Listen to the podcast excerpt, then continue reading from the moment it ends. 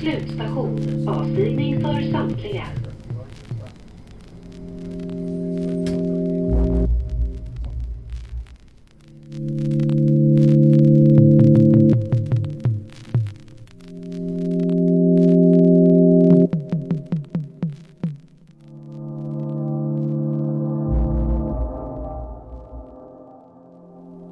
Utanför dörren har allting tystnat.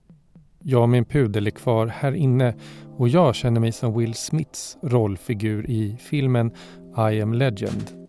Han är den enda överlevande människan i världen och han bor med sin schäfer mitt på Manhattan och på nätterna vaknar monstren, de levande döda som är så hungriga.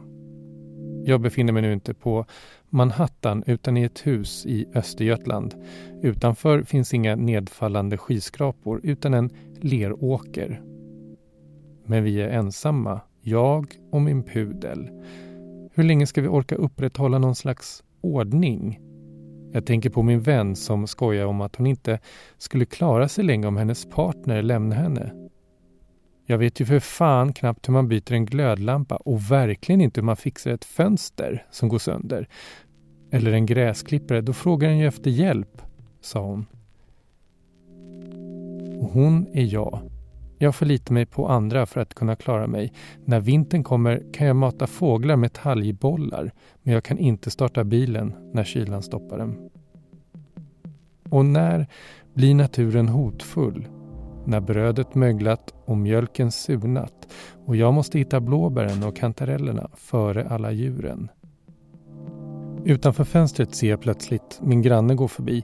Det är bonden som ska mjölka kossorna och jag släpper tanken på total ensamhet och värmer den vegetariska kålpuddingen från igår. Snart är det dags att åka tillbaka till Stockholm igen. Till gatorna där vi människor dansar runt varandra för att slippa nuddas men älskar att vara nära. Vägg i vägg ger vi varandra trygghet när mörkret sänker sig och på innergårdarna vajar träden naturen som en gång ska spränga betongen och återta Hornsgatan och Sveavägen när vi människor har dött ut. Välkommen till podden Naturen på SL-kortet. Det här avsnittet handlar om livet efter katastrofen när naturen återtar stan via förortens tysta lamellhus. Avsnittets station är Farsta strand.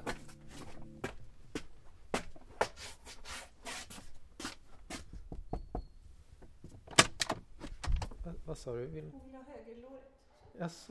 Jag hälsar på oss författaren Sofia Nordin. Hon bor i ett kollektiv i Farsta strand och samma dag som jag ska komma på besök har hon lagt ut bilder på Facebook. På bilderna står hon bara några meter från en bäver. Bävern satt tydligen på stranden och putsade pälsen bara några meter från hennes hus.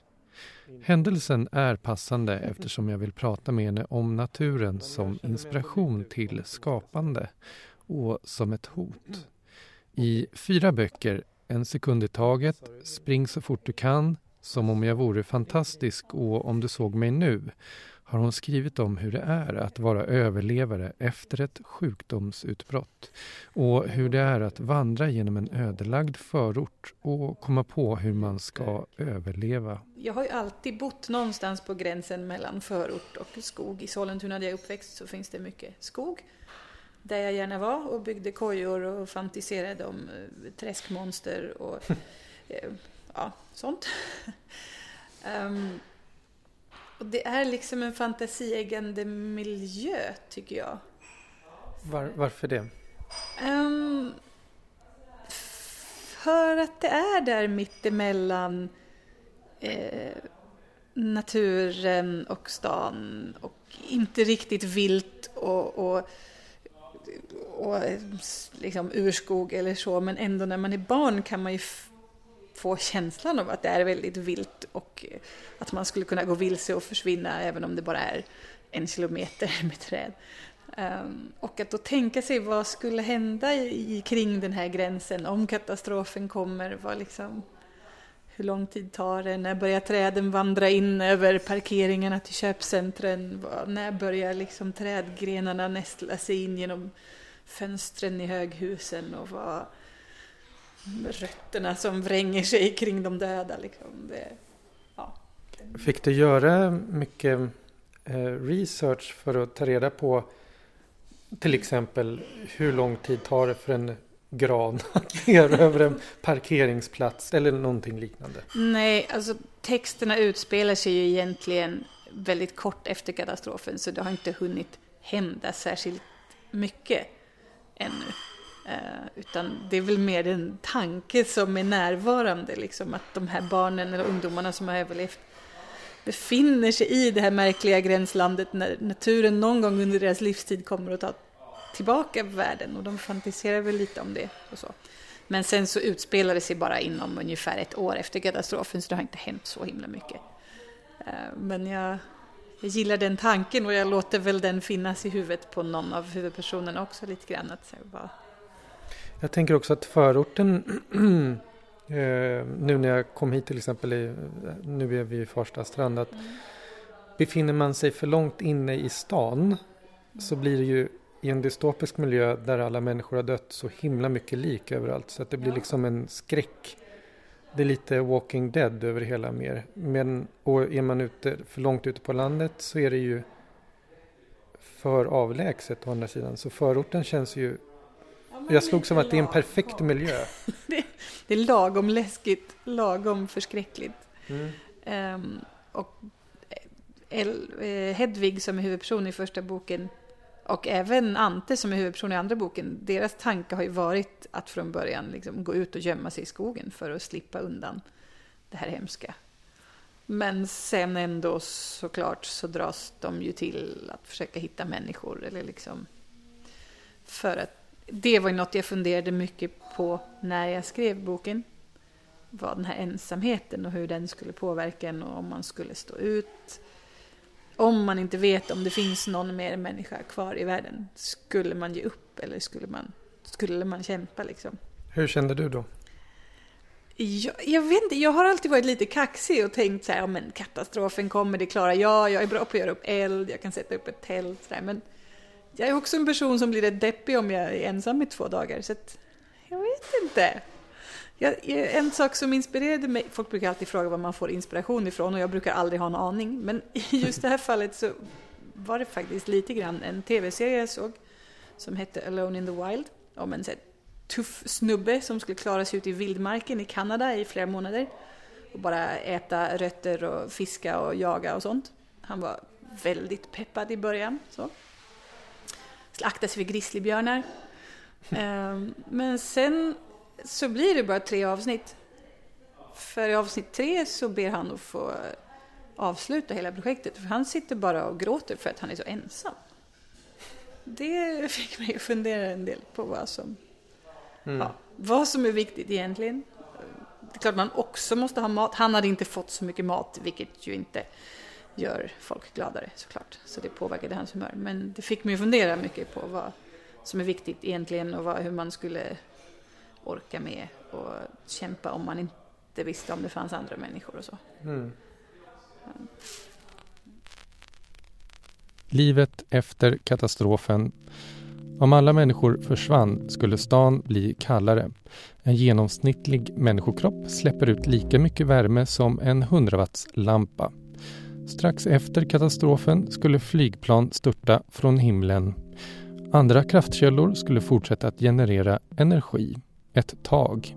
Men de flesta automatiska systemen skulle stänga ner försörjningen inom ett par timmar.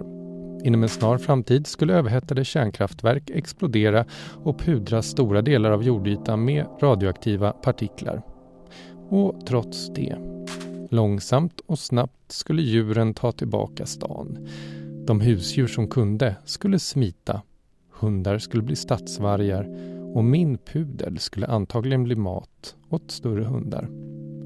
Djurparkernas djur skulle söka efter mat i villakvarteren och mossorna skulle knäcka asfaltens hårda yta.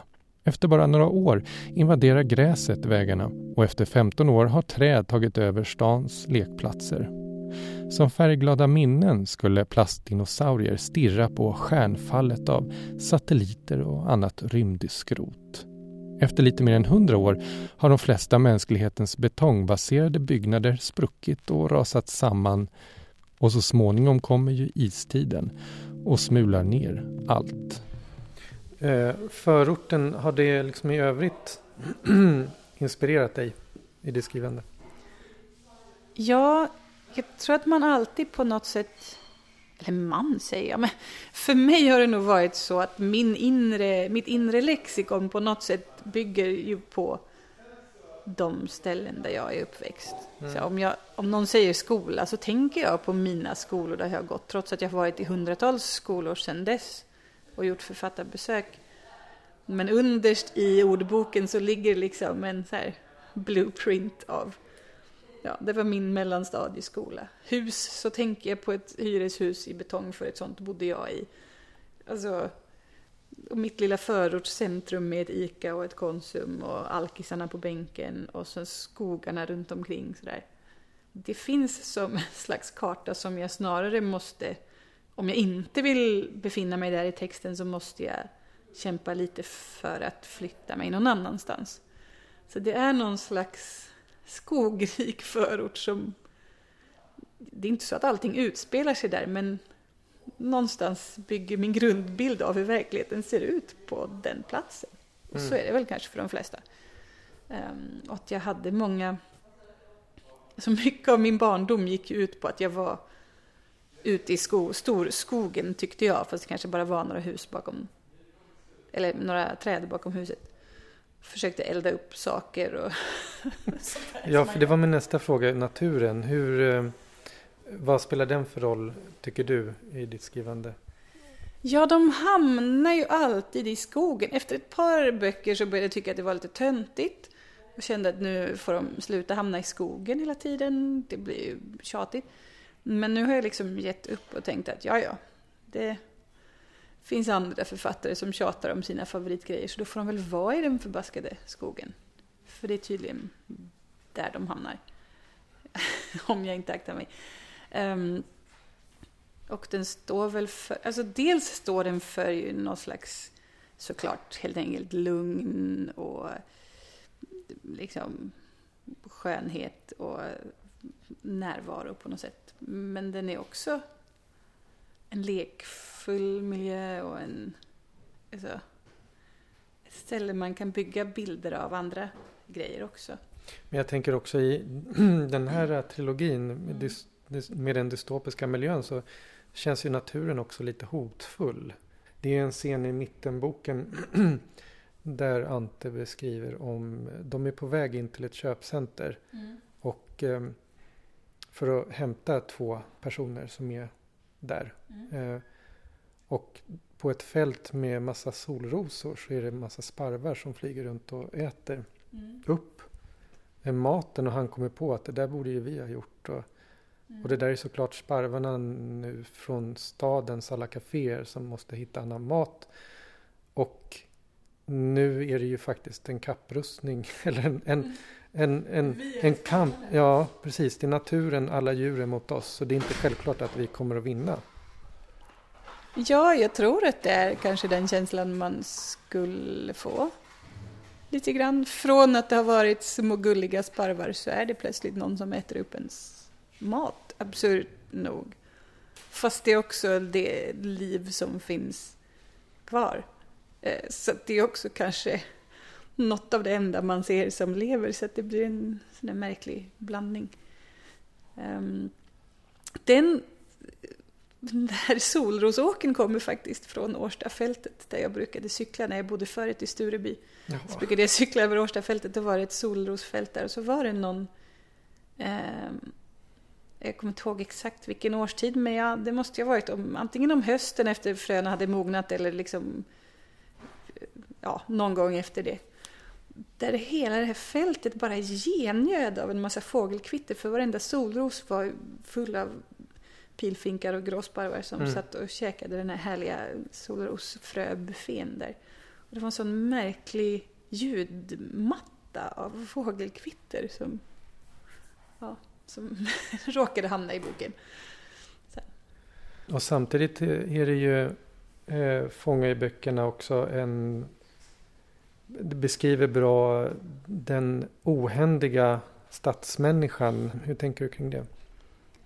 Ja, um, jag har skrivit så att det bara är ungdomar som har överlevt. För att jag tyckte att det var ganska spännande att föreställa sig vad som skulle kunna hända då. Det är såklart inget som någon kanske skulle önska sig, men att det ändå på något sätt är en liten frihet i det. Vad som kan komma sen och vad som kan ändra sig. Eh, och bland annat för huvudpersonen i första boken så är det en sorts frihet att inte ha någon som står och iakttar henne när hon gör saker hon inte kan. För det finns ju inget som kan göra en så inkompetent som någon som står och tittar på när man gör något som man inte har gjort förut. Ehm, och jag tror att det är något som hindrar många att ens försöka i många sammanhang. I jag jag tänkte när jag fantiserade om det inför böckerna att det var en ganska skön grej på något sätt att få prova sig fram. Såklart också fruktansvärd, för det här är ju, hade det varit på riktigt hade det varit fruktansvärt att inte kunna någonting och inte veta någonting och så, men när man skriver böcker kan man få låtsas att efterkatastrofen är lite, lite, lite mysig, trots att det inte alls är så verklighetstroget kanske att göra det mysigt. Jag tänker att jag um vill avsluta. Tack så jättemycket. Nu ska jag gulla lite med katten här i mitt knä också. Mm. Tack. Ni har lyssnat på Natur på SL-kortet. En podd av mig, Stefan Nordberg.